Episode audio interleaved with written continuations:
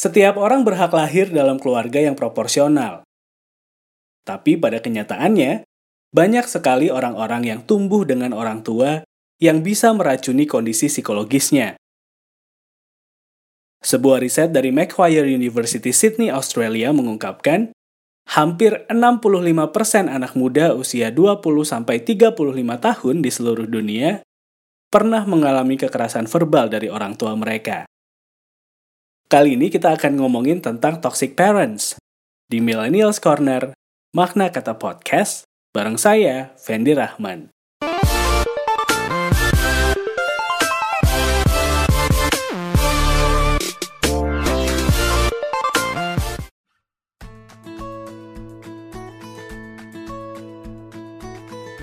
Toxic parents nggak hanya berlaku untuk orang tua yang punya perilaku buruk, Istilah ini juga berlaku untuk orang tua yang melakukan tindakan yang bisa meracuni keadaan psikologis seseorang. Kita semua pasti setuju kalau nggak ada orang tua yang ingin anaknya menderita. Tapi orang tua juga manusia. Beliau juga pasti pernah berbuat salah yang tanpa disadari bisa menjadi racun dan bisa berdampak serius secara psikologis. Bisa aja saya atau kamu adalah korban toxic parents dari pola asuh atau perilaku orang tua kita, teman-teman. Salah satu tanda toxic parents yang paling sering terjadi adalah ekspektasi yang tinggi dari orang tua. Seringkali kita harus membuyarkan mimpi-mimpi kita karena komentar negatif dari orang tua kita.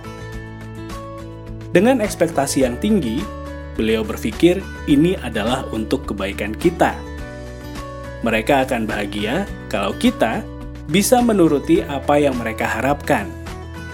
Padahal, ekspektasi yang berlebihan justru membuat seseorang terbebani. Sama seperti orang tua, sebagai anak kita juga punya harga diri, teman-teman. Hal sepele seperti membanding-bandingkan atau melabel sesuatu bisa berdampak sangat serius untuk diri kita. Kalau hal ini terus dilakukan, kita bisa kehilangan percaya diri, minder, bahkan takut untuk berkembang. Sebagai anak, kita pasti sepakat kalau orang tua sudah mengorbankan banyak hal untuk kebutuhan kita.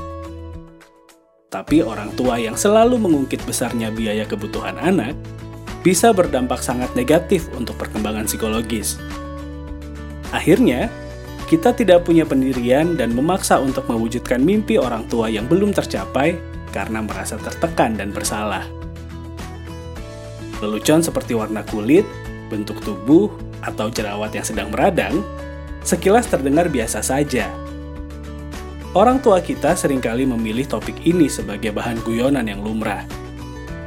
Kita berhak untuk marah dan tersinggung, karena hal ini sudah masuk dalam area privasi kita. Toxic parents berdampak sangat negatif untuk psikologis kita. Orang dengan tipe penurut akan mengubur semua mimpinya agar orang tuanya bahagia. Sedangkan tipe pemberontak bisa berubah menjadi pembangkang untuk orang tuanya. Intinya, kamu harus sadar kalau setiap orang itu spesial dan punya kapasitasnya masing-masing. Kamu berhak untuk berpendapat tentang apa yang kamu mau dan jangan takut bicara kalau ada hal yang kurang pantas atau saat privasi kamu mulai terusik. Kalau kamu punya ide yang seru, saran atau kritik, bisa DM saya via Instagram atau Twitter di @fendirahman atau kirim emailnya di fendirahman@gmail.com. Terima kasih sudah mendengarkan makna kata podcast. Saya pamit. Ketemu lagi minggu depan ya, teman-teman.